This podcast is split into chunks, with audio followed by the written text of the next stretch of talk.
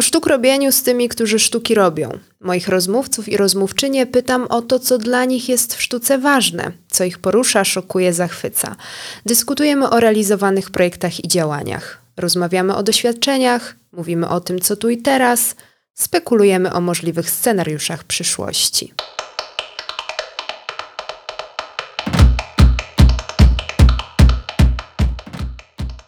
Dzień dobry, cześć, witajcie w kolejnym odcinku i słuchajcie kolejnej rozmowy podcastu Sztuki Robi. Moją dzisiejszą rozmówczynią jest Aleksandra Janiszewska-Cardone, historyczka sztuki, kuratorka sztuki niderlandzkiej, holenderskiej i flamandzkiej w Muzeum Narodowym w Warszawie, a także pasjonatka opowiadania o sztuce, twórczyni bloga i podcastu Otulina o sztuce. Dzień dobry, cześć Olu. Cześć. Słuchaj, ja, y, tak jak Ci pisałam, bardzo lubię w moim podcaście zadawać pytanie o to, jak to się stało, że Ty robisz to, co robisz. Zapytam Ciebie też na start, jak to się stało, że Ty robisz to, co robisz? Jak to się stało, że zajmujesz się właśnie sztuką niderlandzką, holenderską i flamandzką? Wiesz co, u mnie to jest dosyć ciekawa historia. Myślę, że jak u wielu osób, którym e, życie trochę wybrało drogę, bo mm, zacznę od tego, że u mnie w domu nikt specjalnie się sztuką nie interesował. Raczej mam inżynierów, e, bankowców, matematyków, informatyków. To jest jakby to środowisko, z którego startowałam. I jako jedyna w zasadzie byłam tą, która najpierw lubiła czytać bardzo dużo, a potem na swojej drodze spotkałam wiele osób, które gdzieś tam zaszczepiały we mnie takie zrozumienie, czym jest sztuka i że ona jest nie tylko do patrzenia, ale można też ją rozumieć i ona może też służyć do tego, żeby lepiej rozumieć siebie, rozumieć innych. A ja przede wszystkim bardzo lubię opowieści. Bardzo lubię posłuchać czegoś, co dokądś prowadzi, a w wielu obrazach, e, i myślę, że dlatego zajmuję się sztuką dawną, która jest bardzo narracyjna, po prostu to jest. Drugi element mojej inspiracji to to, że uwielbiałam oglądać filmy. No i w którymś momencie w mojej młodości tak sobie myślałam, że albo będę archeolożką, bo uwielbiałam Indiana Jonesa, ale potem tak sobie pomyślałam, że to może jednak być trudne, bo to tyle wyjazdów daleko i w ogóle. Ale obejrzałam też film. Może też nie być takie cool jak w Indiana Jonesie. Tak. Mam wrażenie, że mogłabyś nie odkryć kosmitów. Ale e, wtedy jeszcze o tym nie myślałam. Myślałam, że przynajmniej to bieganie gdzieś tam z biczem i po prostu bujanie się na, jakby jak na lianie, że to będzie e, przynajmniej chociaż tyle. Ale Obejrzałam też film e, z Audrey Hepburn i z Peterem Otulem, jak e, ukraść milion dolarów. E, I wtedy wpadłam już zupełnie jak śliwka w kompot, bo tak mi się spodobała ta rola, którą grał Otul. I on tam grał właśnie takiego historyka sztuki, który tak zbiera próbki z obrazów, coś tam bada, no i później mu wychodzą wielkie odpowiedzi i jest w stanie no, rozwiązać zagadkę jakąś kryminalną. I od zawsze gdzieś ten wątek detektywistyczny dla mnie był chyba istotny, więc tutaj tak to się wszystko połączyło. No potem to już myślę, że samo jakoś tak wyszło, że e, miałam świetną nauczycielkę historii sztuki w Łodzi, Lucynę Urbańską, która przygotowywała nas do olimpiady artystycznej. Dzięki niej w zasadzie jestem tu, gdzie jestem, bo mm, tak jakoś ta droga poszła, że później wybrałam właśnie studia historii sztuki. No a potem to już krok za krokiem. I czy rzeczywiście tak jest, że to romantyczne wyobrażenie z filmów sprawdza się u ciebie w rzeczywistości, bo powiedziałaś o tym, wiesz, że od szczegółu do odkrywania wielkich historii. Czy to rzeczywiście jest możliwe jeszcze w dzisiejszych czasach, żeby taki jakiś sekret sztuki odkrywać w taki sposób? Wiesz co, e, tak, i to jest właśnie najfajniejsze, ale trzeba pracować z obiektami. Czyli ja mam to szczęście, że pracuję w Muzeum Narodowym w Warszawie i tam są obrazy. E, I ja mogę te obrazy badać. Oczywiście wiele z nich już jest przebadanych i niby wszystko nam się wydaje, że o nich wiemy, ale czasami jak na przykład przygotowujemy się do jakiejś wystawy, robimy albo nie wiem, jakiś przegląd pod konkretnym kątem, albo wybieramy obrazy do badań, takich badań technologicznych i wtedy nam wychodzą czasami bardzo ciekawe aspekty, których nawet nie przypuszczaliśmy. I mam na swoim koncie takich kilka zaskoczeń, a nawet takie jedno wielkie odkrycie, dla mnie samej wielkie, e, od którego z kolei wyszła moja droga dalej, żeby zrobić doktorat, bo wokół niego mogłam sobie zbudować jakąś tam opowieść i dalszą ścieżkę poszukiwań. Więc tak, to jest możliwe wciąż. Tylko po prostu gdzieś trzeba pójść za jakimś takim niby światełkiem w tunelu, które mówi: Spróbuj jeszcze ten obraz zbadać. Tam może być coś ciekawego, bo właśnie taką historię miałam. No to już y, teraz miałam zupełnie inny pomysł, w innej kolejności chciałam, ale teraz już nie odpuszczam tego. Dawaj o tej, tą historię. No dobrze. obraz, o co chodziło. Jakąś klasyfikację zrobimy sobie potem, albo wcale. Dobrze. Więc w 2017 roku otworzyliśmy z Piotrkiem Borusowskim wystawę w warsztacie niderlandzkiego mistrza a do niej przygotowywaliśmy się badając właśnie obiekty od nas muzeum. E, Piotr jest kustoszem rysunków e, obcych, niderlandzkich. E, I on przygotowywał od swojej strony, a ja przygotowywałam się badając dzieła sztuki niderlandzkiej, czyli takich, które powstały na terenach dzisiejszej Belgii i Holandii, ale w XV wieku, więc wtedy jeszcze tych krajów nie było, no więc nazywamy to niderlandzką ponieważ wtedy jeszcze byliśmy w trakcie mm, zmiany galerii stałej, więc mieliśmy duże przestrzenie i dużo obrazów po prostu nie wisiało na ścianach.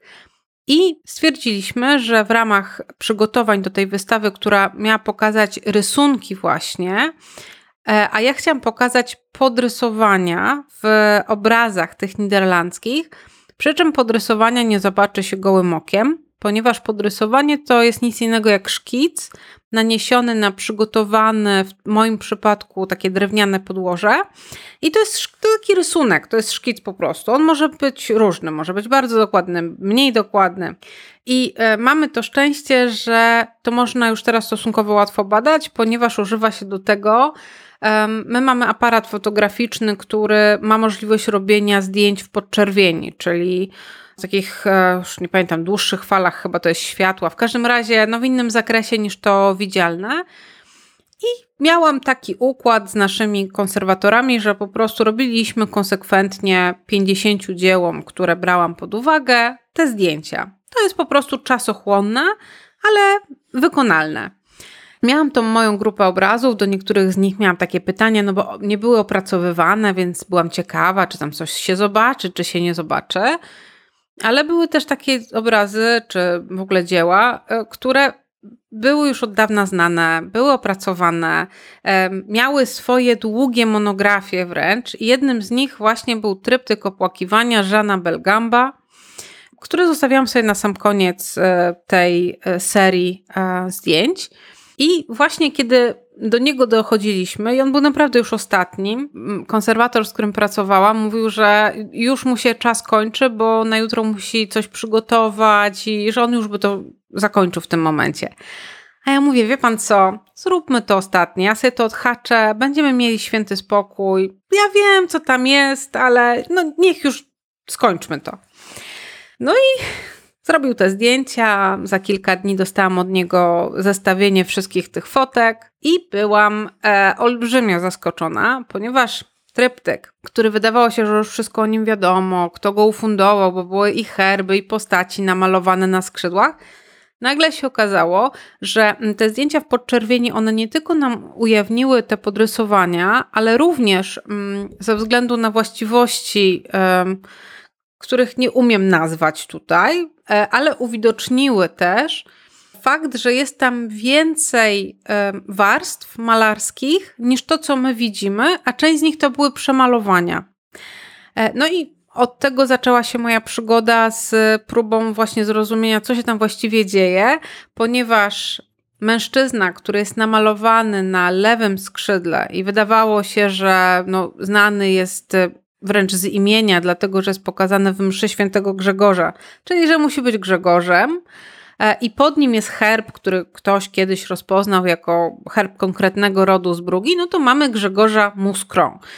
I na drugim skrzydle, no musi być jego żona, a że był tam święty, który był różnie rozpoznawany, ale ustalono, że jest to Jodok, no to ona miała być Josin Muskrą i koniec. No i okazało się, że ten mężczyzna jest domalowany, ale co więcej, to co jest u niej na skrzydle, to zamalowany e, zakonnik, który za nią klęczał, był cały namalowany. I jeszcze e, ten święty też był przemalowany i wcześniej był świętym Dominikiem. Więc nagle się okazało, że nic, co zostało napisane o tym tryptyku, już nie ma zastosowania. E, I to było jedno z większych zaskoczeń, jakie miałam. Wow, świetna, mega interesująca historia. Od razu myślę sobie na przykład, czy udało ci się dojść do tego, czy to było, wiesz, w cudzysłowie taki akt wandalizmu, zamalowanie, czy to było specjalnie przez tego twórcę, że on jednak stwierdził, że chce, żeby to wyglądało inaczej, czy może ktoś nie mając pojęcia, że ten obraz kiedyś będzie wisiał w muzeum, po prostu go sobie przemalował, bo chciał, żeby inaczej u niego w domu to wyglądało? Wiesz co, to jest w ogóle e, świetna seria, bardzo dobrych pytań, na które ja też szukałam właśnie odpowiedzi. I to mnie doprowadziło, tak jak ci powiedziałam, e, do tego, żeby w ogóle stworzyć doktorat, bo okazało się, że takich dzieł z przemalowaniami właśnie, e, bo to są portrety donatorów tak to nazwijmy, czyli osób świeckich, które są umieszczane no, najczęściej w takich tryptykach wobec jakiejś sceny, którą e, wielbią, wobec której się modlą. W każdym razie to były ich takie portrety na wieczność, żeby ich ukazać w wiecznej modlitwie. I okazało się, jak zaczęłam się przyglądać, bo to były rozproszone badania, przyglądać się różnym przypadkom, to zaczął się wyłaniać z tego spójny obraz. Więc to nie jest akt wandalizmu, tylko to można powiedzieć, że jest wręcz recycling, ponieważ zamówienie takiego dzieła e, jest dosyć, było dosyć kosztowne, czy zawsze był to jakiś wydatek, bo to były konkretne pieniądze, trzeba było i za podłoże zapłacić, i za e, materiały, za pracę warsztatu, a więc to była inwestycja. I z tego, co udało mi się wywnioskować, akurat jeżeli chodzi o ten tryptyk, to jak sobie podejmowałam wszystkie do malowania i przemalowania, mm, to jedyną postacią świecką na tym tryptyku była ta kobieta. I to jest dosyć nietypowe, chociaż może się za jakiś czas okazać, że jest więcej takich przypadków i jakby stworzy się z tego jakaś grupa, ale że e, ona musiała być samodzielną fundatorką tego dzieła. Była w towarzystwie świętego Dominika i najpewniej zakonnika dominikańskiego, co też ma znaczenie, bo mm, często na przykład takie samotne kobiety, wdowy najczęściej, pod koniec życia w ramach tej pobożności takiej innej niż my mamy dzisiaj, udawały się albo pod opiekę mm, tych zakonów, zwłaszcza dominikanów, wręcz wstępowały jako takie świeckie siostry. I być może było tak, że ona zostawiła na przykład jakiś zapis testamentowy, jakieś sumy na rzecz kościoła, pewnie dominikańskiego, ale oni na przykład ufundują, czy też, no, no tak, no, ufundują taki tryptyk e, ku jej pamięci. No, coś na tej zasadzie. Natomiast ta postać, która się domalowała, ona nie jest nawet zwykłym świeckim mężczyzną, tylko ona jest kanonikiem. Więc mogło być tak, że on krótko nawet po śmierci tej kobiety, bo to domalowanie ono nie było dużo później. Ono mogło być, no powiedzmy, nie więcej niż 25 lat od e, powstania jakby pierwotnej wersji. Możliwe, że on stwierdził, że już nie ma żadnych jej krewnych, już nikt nie pamięta. To stoi w kościele, w którym on może akurat y, urzęduje i zamówił swój portret i przemalował herby. I to jest też niezwykłe, jak takimi dwoma ruchami, no jeszcze tam przemalowanie tych świętych, ale, czy jednego świętego, ale całkowicie przejął, no po prostu przejął cały ten tryptyk, stworzył, nie wiem, sytuację, w której jest ukazany on, już nie jego żona, no bo on jest kanonikiem, on stroił kanonika, więc to też jest zabawne, że wcześniejsi badacze mówili o tym, że to jest małżeństwo. Może to była jego, na zasadzie, że to jego matka, ukazana z nim. Więc e, mm, no tak, to jest często taka właśnie praca detektywistyczna i tutaj po nitce do kłębka, po prostu zdejmowanie kolejnych warstw odsłania ciekawe historie. Czyli trochę ci się udało być jak taki Indiana Jones, tak. który tak, tak, tak, tak, tak, tak. nie uciekłaś temu przeznaczeniu. Tak, no i mam nadzieję, że nie, nie będę za daleko uciekać od tego. Mam teraz takie poczucie, że już jesteśmy w środku tej rozmowy. Wróćmy na chwilę do początku, żeby w ogóle ci, którzy i te, które nas słuchają, wiedzieli w ogóle o czym my mówimy, czyli o jakiej sztuce. Wszelkie klasyfikacje epokowe i okresowe dążą do tego, żeby właśnie tak zebrać razem i przedstawić pewne cechy charakterystyczne sztuki danego okresu, rejonu geograficznego.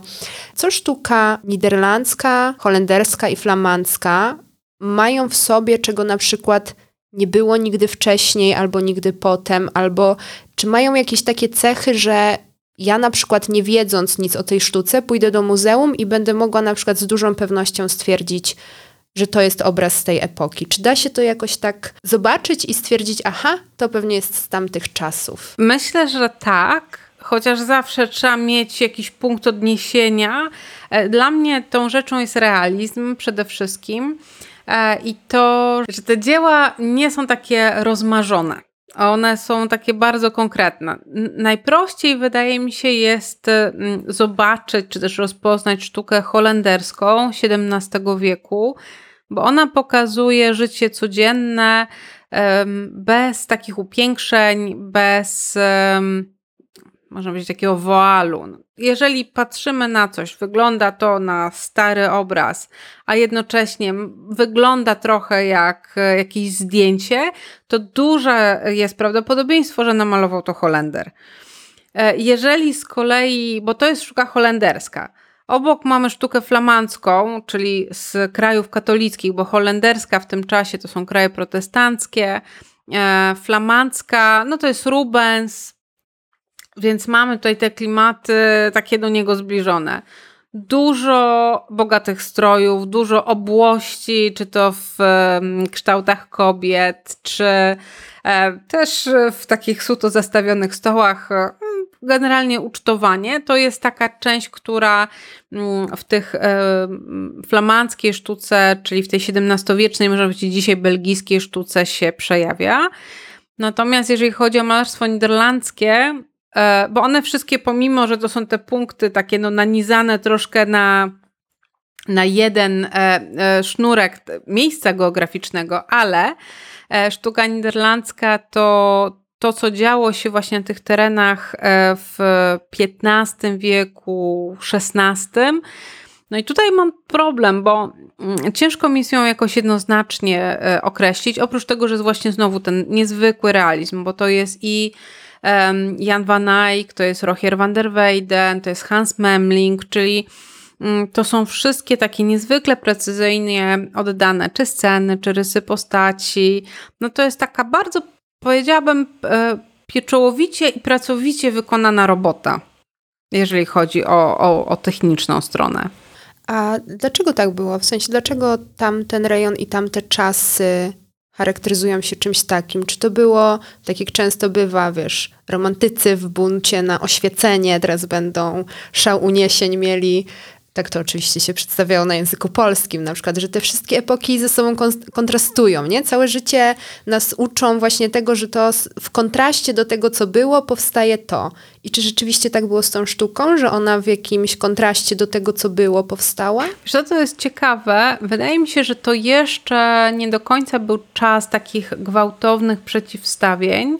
Um, I teraz może zacznę od, e, od tej najstarszej części, bo jeżeli chodzi o sztukę mm, tą niderlandzką, mówi się, bo to też w zależności od tego, wiadomo, to jest jakby taka wielka historia sztuki, więc się tworzy wielką narrację.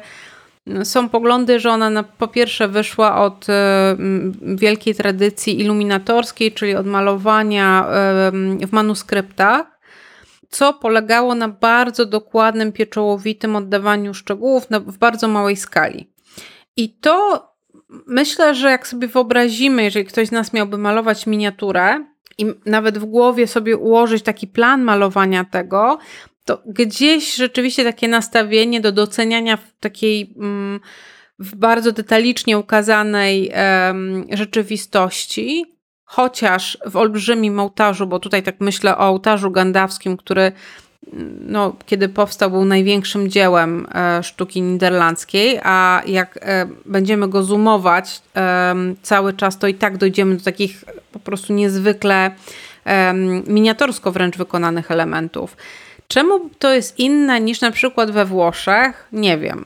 To znaczy, nie, nie mam odpowiedzi na to pytanie. Pewnie technika, bo we Włoszech um, innymi technikami malarskimi wykonywano, e, malowano bardziej we fresku, malo, używano m, dużo dłużej tempery. Ale ja mam taką swoją e, bardzo intuicyjną, takie intuicyjne wytłumaczenie, że jednak jest coś, co się nazywa genius loci. E, to jest po prostu pe pewna osobowość ludzi w danym miejscu, i tak jak Włosi mają taką wolność, mają taki no, powiew wolności i to w sztuce też jest widoczne, chociaż też byli świetni technicznie. Tutaj nie chodzi o to, że odpuszczali w czymś. E, to jednak ci ludzie północy, ludzie Holandii, Niderlandów byli bardziej skrupulatni. To byli głównie kupcy, którzy ciężką pracą, ale też taką walką po prostu z tą codziennością, zimnem, musieli wykuwać tą swoją drogę. I mam takie gdzieś w środku, to jest bardzo indywidualne przeczucie, że to też miało jakiś wpływ właśnie na, na to, jak myślano w ogóle o od, odzwierciedlaniu rzeczywistości. Ale ale poza intuicjami nie mam, nie mam tutaj takich um, lepszych odpowiedzi. Właśnie może trzeba najbardziej tej intuicji ufać. No i właśnie w temacie, w temacie tego, czy my musimy to wszystko wiedzieć, e, chciałabym cię zapytać, e, przytaczając fragment abstraktu do twojego artykułu, e, o tą kwestię co musimy, a czego nie musimy wiedzieć. Przeprowadzone analizy potwier potwierdziły stawianą już wcześniej tezę o udziale dwóch artystów w wykonaniu obrazu. Umożliwiły doprecyzowanie czasu powstania dzieła, staną się również nowym impulsem w dalszych badaniach atrybucyjnych. I to jest fragment z abstraktu do artykułu Technologia i technika malarska ukrzyżowania z warsztatu e, Petera Koka van Alsta, I oczywiście chciałabym też Cię zapytać o samą technologię, bo ja później sobie ten artykuł przejrzałam i jest to i fascynujące, i troszkę przerażające, że można tak zajrzeć w samo dno tego obrazu i wszystko odkryć. Ale też już trochę o tym opowiadałaś, o tym swoim fascynującym odkryciu, które no właśnie, z jednej strony mnie na maksa zainteresowało, a z drugiej strony myślę sobie, czy my rzeczywiście musimy to wiedzieć jako odbiorcy, w sensie, czy my rzeczywiście musimy wiedzieć, że to nie Rembrandt ten obraz namalował, tylko na przykład ktoś z, jego warsztatu. Na ile to jest rzeczywiście ta kwestia autorstwa tego oryginalnego, tego prawdziwego jest dzisiaj wciąż jeszcze tak ważna. Ja myślę, że w ogóle jest jakaś magiczna moc e, w atrybuowaniu dzieł. To znaczy, to jest taka Odkąd, wydaje mi się, historia sztuki istnieje jako dziedzina, to ta, to przypisywanie dzieł do nazwisk, zwłaszcza jeżeli to były jakieś wielkie nazwiska, mm, było chyba pierwszym zadaniem, myślę, jakie stawiali sobie historycy sztuki.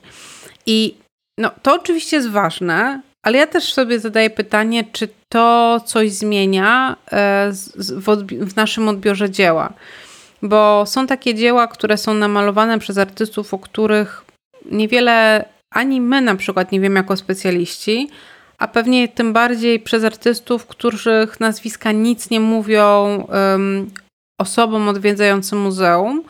Natomiast te dzieła e, mogą mieć moc uwodzenia, jak ja sobie tak o tym myślę. Taką, że po prostu stajemy przed nimi i naprawdę jest e, takie, takie kliknięcie. Ja miałam taką sytuację, jak przygotowywałam wystawę z, y, z kolekcji Ergo Hesti, tego towarzystwa ubezpieczeniowego, ale ono ma swoją kolekcję sztuki. I tam był, są bardzo, naprawdę bardzo fajne obrazy, ale jeden e, mnie po prostu kupił całkowicie. I to był um, obraz namalowany przez Barenta Fabritiusa, który jest um, bratem bardziej znanego malarza, Karela Fabritiusa. To jest ten, dla słuchaczy, to jest ten, który namalował na przykład Szczygiełka, który jest Maurice House w Hadze, a jednocześnie był tematem książki Dony Tart. A więc stając przed tym obrazem, wiedziałam, że no to jest brat właśnie tego malarza. Sam to też znany, ale nie, to, to nie jest super e, gwiazda. Natomiast ten obraz e, potrafił wciągnąć, zahipnotyzować całkowicie. I myślę, że to bardzo często wystarczy. Że wystarczy zaufać sobie i po prostu być z obrazem. Natomiast no, też druga strona medalu jest taka, że moja praca polega na tym, ażeby jak najwięcej dowiadywać się o tych dziełach. Nawet jeżeli to będzie taka mm, wiedza, która, tak jak tutaj mówisz, to taka wiwisekcja, sprawdzanie bardzo głęboko, jakie są te składowe. Ten artykuł, na który się powołujesz, to jest głównie artykuł stworzony przez e, konserwatorki, badaczki, które właśnie pracowały nad tym naszym obrazem, analizowały jego i skład chemiczny tej warstwy malarskiej i robiły zdjęcia w podczerwieni, a wszystko po to, żeby sprawdzić, jak ten obraz mm, ma się do znanego jakby tego zbioru dzieł właśnie tego, tego artysty. I to jest nam bardzo przydatne, ale ja sobie lubię o tym myśleć, że są takie małe kamyczki, z których jest taka duża droga dopiero budowana. Więc to nie są, znaczy to są ważne rzeczy, ale to nie są takie wielkie jakieś głazy. To nie jest tak, że my nagle Leonarda gdzieś odkryjemy, chociaż przecież to też się zdarza, prawda? Co prawda, e, te wielkie odkrycia w większości są przy okazjach różnych sprzedaży, więc to jest taki też ciekawy element, że mm, te atrybucje, one często też są robione no, przy okazji tego, że się odkrywa kolejnego Rembrandta gdzieś, albo Leonarda, albo nie wiem, no, wszystkie te e, nazwiska, które w przypadku Włochów Wazari już e, w XVI wieku umieścił na szczycie i teraz one wciąż się świetnie sprzedają. Ciekawe, czy jeszcze są takie odkrycia do odkrycia, w sensie, czy w naszych czasach wciąż jeszcze mamy na to szansę? Tak, teraz e, nawet właśnie a propos na aukcji chyba w Christie's w Londynie została sprzedana mm, taka para portrecików, które były nieznane badaczom, e, bo były przez bardzo długi czas w prywatnych rękach.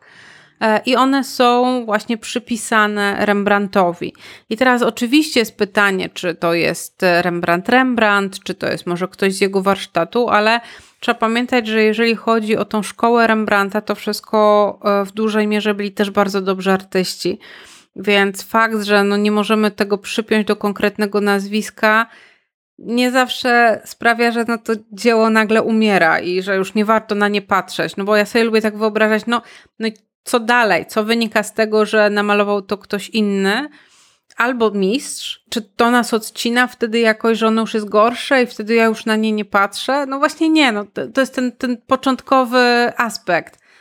E, jeżeli patrzę i ono mi się podoba, to dlaczego mam sobie odmawiać tej przyjemności? A mogę się o nim dowiedzieć czegoś więcej i w moim przypadku to też są takie sytuacje. Są takie dzieła, które na przykład czasami nawet odwrotnie nie bardzo lubię, bo jakoś coś mi się w nich nie podoba, ale potem chcę je tak poznać. To jest trochę jak z ludźmi. Ja często sobie myślę o tych moich relacjach z niektórymi obrazami, że to jest jak z ludźmi.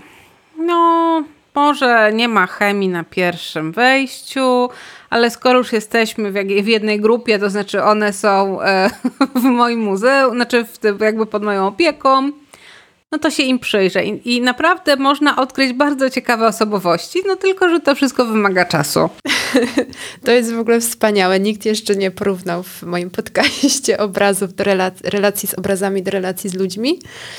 No właśnie. I a propos tych relacji, rozczarowań i takich zaskoczeń pozytywnych, opowiedz proszę coś właśnie o tych niesamowitych, niezwykłych technologiach, które być może są zupełnie proste momentami, ale pozwalają e, się dokopać do jądra e, Ziemi, a dokładnie do jądra obrazu. I czy właśnie to takie zaglądanie w głąb Jakie ono tobie przynosi emocje? W sensie, czy ono jest tylko zawsze takie ciekawe, że fajnie odkrywam coś, czy bywa też rozczarowujące albo zasmucające, że na przykład ktoś coś zniszczył i przykrość, że już tego nikt inny nie zobaczy? Przykrość chyba nie, dlatego że.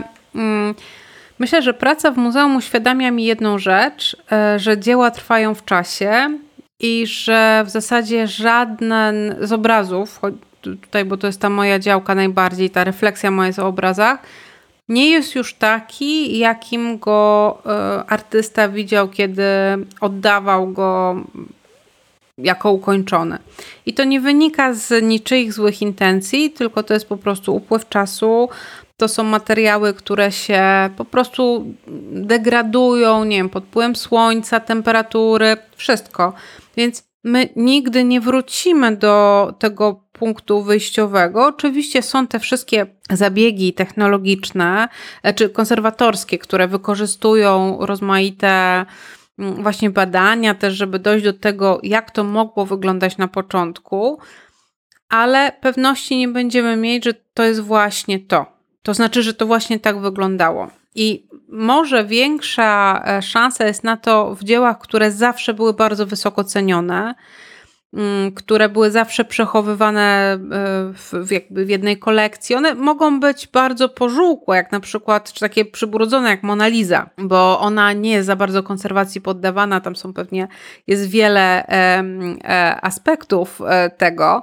Francuzi w ogóle jakoś tak są bardzo ostrożni wobec swoich dzieł ale przez to, że ona była zawsze wysoko ceniona i chroniona, to jest duże prawdopodobieństwo, że tam e, pod tymi warstwami ochronnymi, a taki jest Vernix, zachowa się dużo jeszcze z tego, co pozwoli, żeby odtworzyć ten jej wygląd, gdyby mm, chciano e, podjąć to wyzwanie. E, natomiast w muzeum mamy też sporo takich dzieł, które są zniszczone, ale to zniszczenie wynika z dobrych zamiarów. Dlatego, że dzieła były też konserwowane, były oczyszczane w czasie. To znaczy, jeżeli mamy dzieło XVII-wieczne na przykład, to jest duże prawdopodobieństwo, że właściciel kolejny chciał na przykład je odnowić, chciał mm, jakieś, no, oczyścić. Tyle tylko, że metody wówczas stosowane były bardzo inwazyjne, w związku z czym jest grupa takich dzieł, których na przykład nawet jak się pójdzie do muzeum i coś z nim jest nie tak, to znaczy są jakieś takie głuche, że nie ma jakiegoś wykończenia, że no widać, że jest dobry zamysł, ale brakuje takiego mm, final touch, ja bym powiedziała.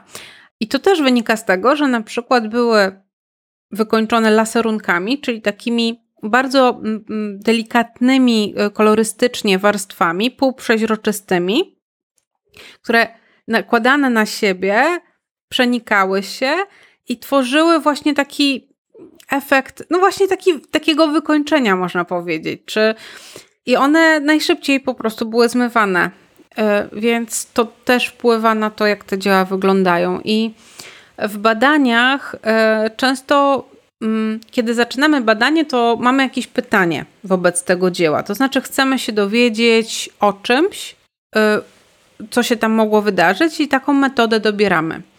Bo można badać różne warstwy e, obrazów i też różne składowe ich, w związku z czym tak się dobiera mm, badania. No i Wiadomo, że jak się szuka odpowiedzi na jakieś pytanie, to właśnie w tą stronę się kieruje spojrzenie, no i wtedy się dostaje albo nie odpowiedź, ale czasem przy okazji można znaleźć odpowiedź na pytanie, które nawet nie wiedziałam, że można postawić. No tak jak w przypadku tego Belgamba, to jest właśnie najlepszy przykład na to, że w życiu nic nie jest pewne i po prostu trzeba robić. E, I coś, zawsze jest szansa, że coś niesamowitego wyjdzie. My mamy w takiej codziennej pracy kilka e, na podorędziu takich badań. Pierwsze to jest po prostu badanie w świetle UV. Mamy na podorędziu coś w rodzaju takich latarek właśnie ze światłem UV. No i sobie świecimy powierzchnię obrazu, bo one pozwalają sprawdzić, czy Vernix jest równy, to znaczy, czy nie było przemalowań, ale to nam tylko mówi, jeżeli są takie ciemniejsze warstwy, inaczej świecące w tym UV niż inne, to znaczy, że tam była jakaś ingerencja i ten Vernix po prostu był nałożony później. Więc można tam szukać um, tych przemalowań, na przykład. Mamy możliwości robienia tych zdjęć w podczerwieni i one dają szerokie spektrum Najczęściej to jest po to, żeby zajrzeć pod te warstwy malarskie i zobaczyć, czy jest podrysowanie, ale właśnie przez to, że one przenikają na sobie właściwy sposób e, przez te warstwy i jedne warstwy je przepuszczają e, te promienie inaczej niż inne, to też tą reflektografię w podczerwieni, tak, taki reflektogram jak dostajemy, bo to jest chyba takie bardziej poważna nazwa tego zdjęcia w podczerwieni, E, no to często właśnie wychodzą jeszcze jakieś rzeczy, które są po drodze. E, bo często też przemalowania, to jest w ogóle wielki temat, przemalowania, jeżeli są zrobione w dużo późniejszym czasie niż e, to, kiedy powstało dzieło, czyli nie autor je robił, tylko ktoś, kto miał jakiś tam zamiar wobec tego dzieła coś tam domalować, zamalować. E, dzisiaj trafiłam na e, dzieło, w, w, tam w moich poszukiwaniach, na dzieło holenderskie, gdzie mm, to jest pejzaż i był zamalowany wieloryb, e, ponieważ na jakimś etapie właścicielowi pewnie nie odpowiadało to, że jest plaża z ludźmi i leży tam martwy wieloryb. On chciał mieć po prostu plażę z ludźmi, bo on chciał mieć pejzaż holenderski więc zamalował go. Zastanawiam się, czy niektórzy ci twórcy, nie wiedząc, że w przyszłości będzie taka technologia, myśleli sobie, a dobra, narysuję sobie coś takiego, nikt tego nigdy nie zobaczy. Oczywiście, to znaczy zamaluję to, przecież nikt się nie dowie i ile psów jest zamalowanych albo przemalowanych e, i w ogóle pentimenti, czyli te wszystkie przemalowania, które artyści robili, myślę, że im się w ogóle e, nie śniło, że ktokolwiek e, będzie w stanie to wydobyć. E, ale właśnie e, wtedy też jesteśmy w stanie takie przemalowania po prostu znaleźć.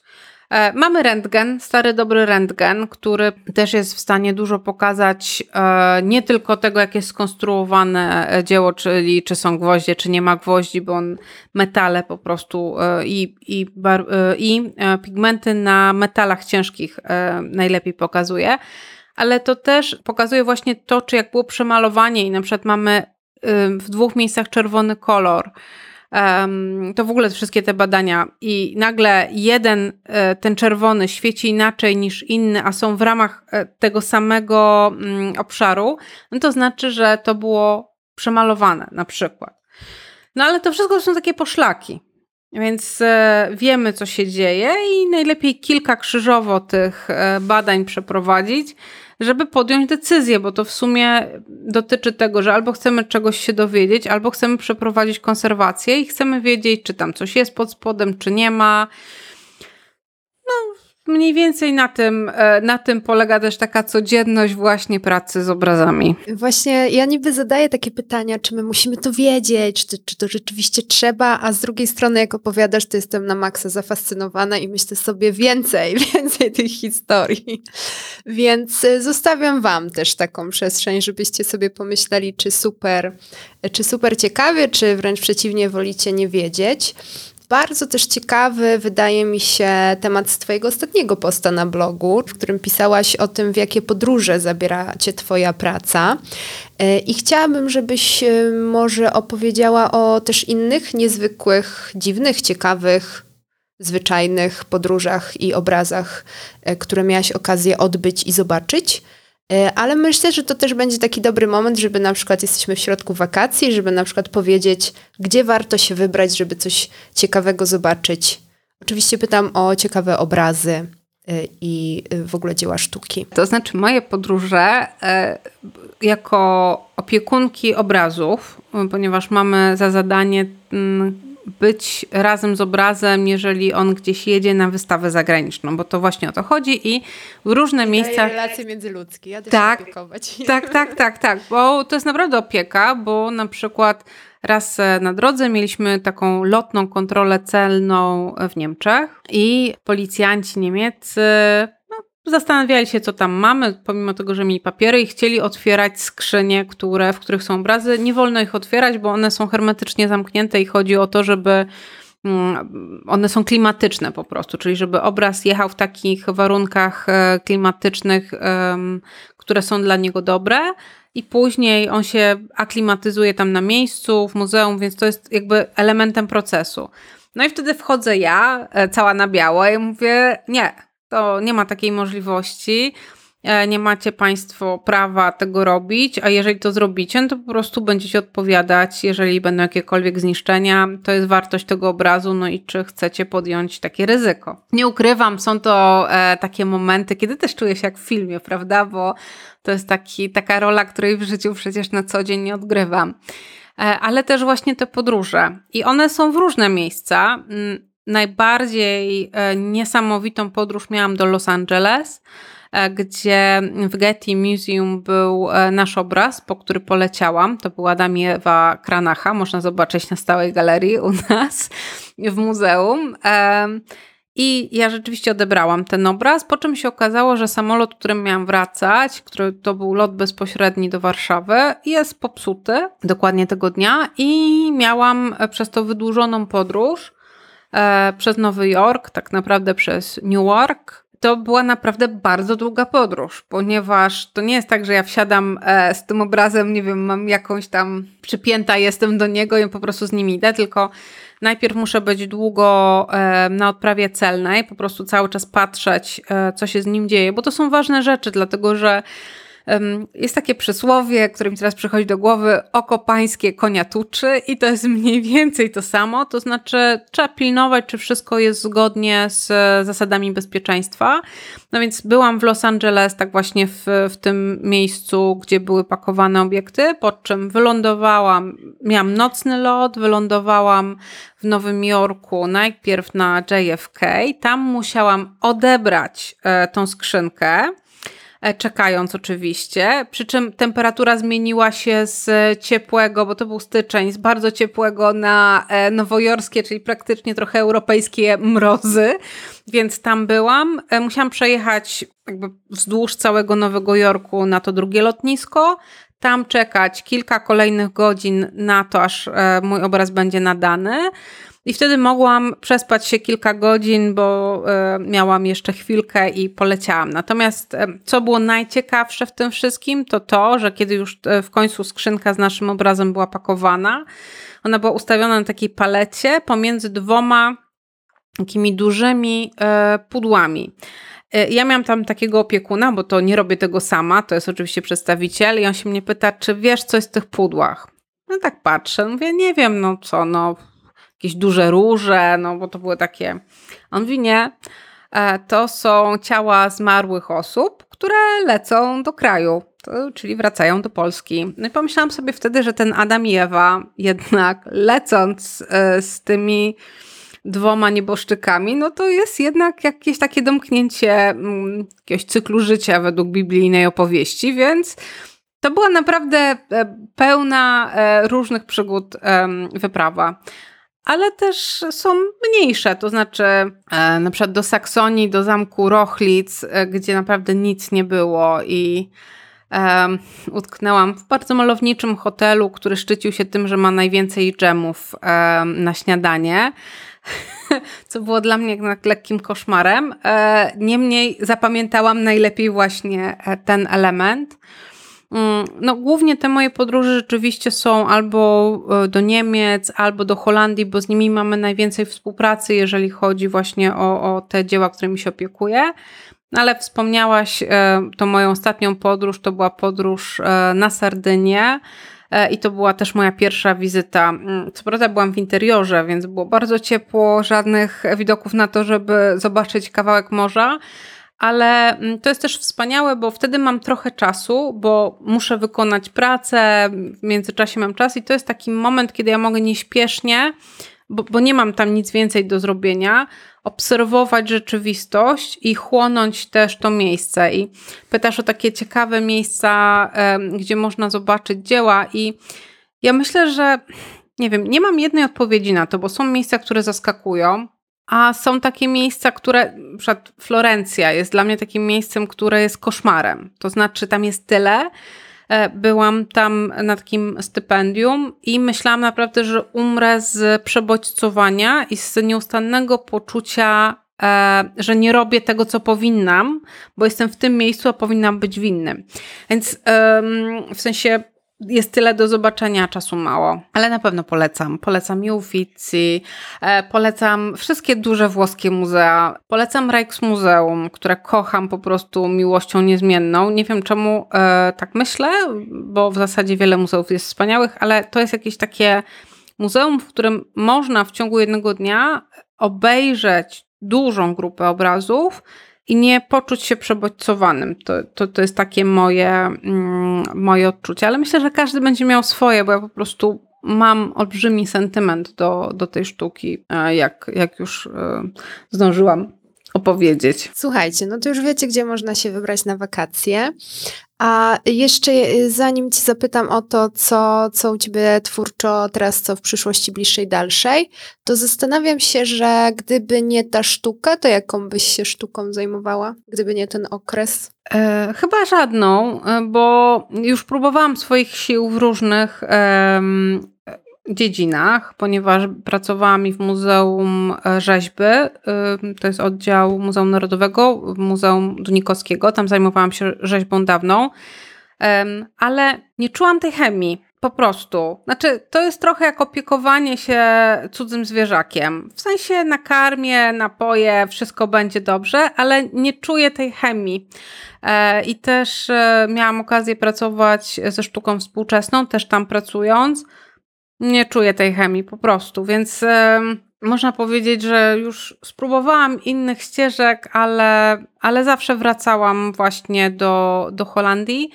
E, u mnie największą zmianą było to, że zaczynałam od fascynacji sztuką holenderską XVII wieku i tam rzeczywiście czuję się jak w domu ale teraz ten XVI wiek niderlandzki, który jest dużo trudniejszy, bo on jest taki trudny do uchwycenia, tam się bardzo dużo działo i jest inaczej niż, niż w tym XVII, no to to jest takie moje po prostu teraz e, nowe wyzwanie. Słuchajcie, no jak, cóż innego wspaniałego powiedzieć w podcaście o sztuce niż to, że ze, ze sztuką trzeba poczuć chemię i wtedy wtedy wiecie, że to jest to.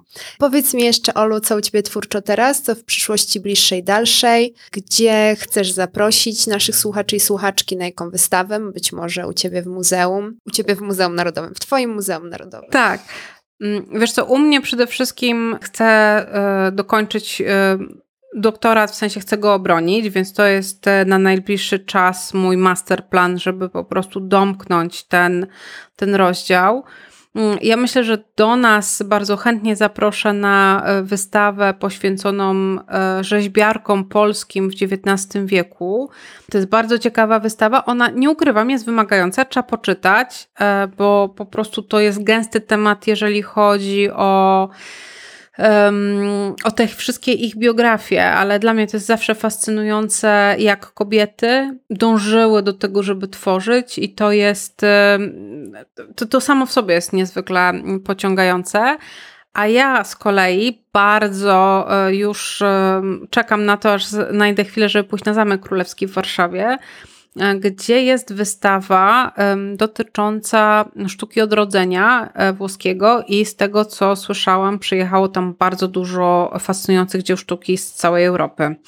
Więc e, na to myślę, że samą siebie zapraszam, więc słuchaczy tym bardziej. Wiecie już, co porobić w jakiś wolny, wolny dzień w wakacje.